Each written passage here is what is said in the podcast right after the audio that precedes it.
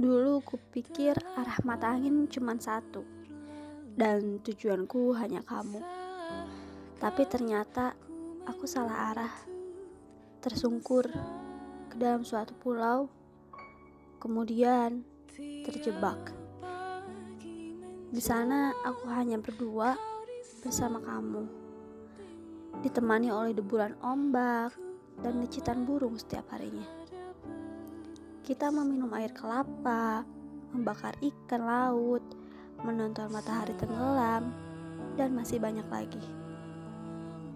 Waktu itu kamu bilang tidak akan pernah seperti matahari karena dia selalu pergi dan digantikan oleh bulan. Katanya kamu seperti ombak yang selalu ada setiap detik. Namun nyatanya kamu bohong. Matahari selalu menepati janjinya untuk kembali keesokan harinya kamu tidak sama seperti matahari maupun ombak. Dan setelah kapal pinisi mini yang kamu buat selesai, kamu malah pergi sendiri, meninggalkan aku yang kehilangan arah. Sampai pada suatu hari, ada seseorang yang datang, menemukanku, membawaku pergi ke tempat yang indah. Dan saat itu aku sadar bahwa aku telah salah arah.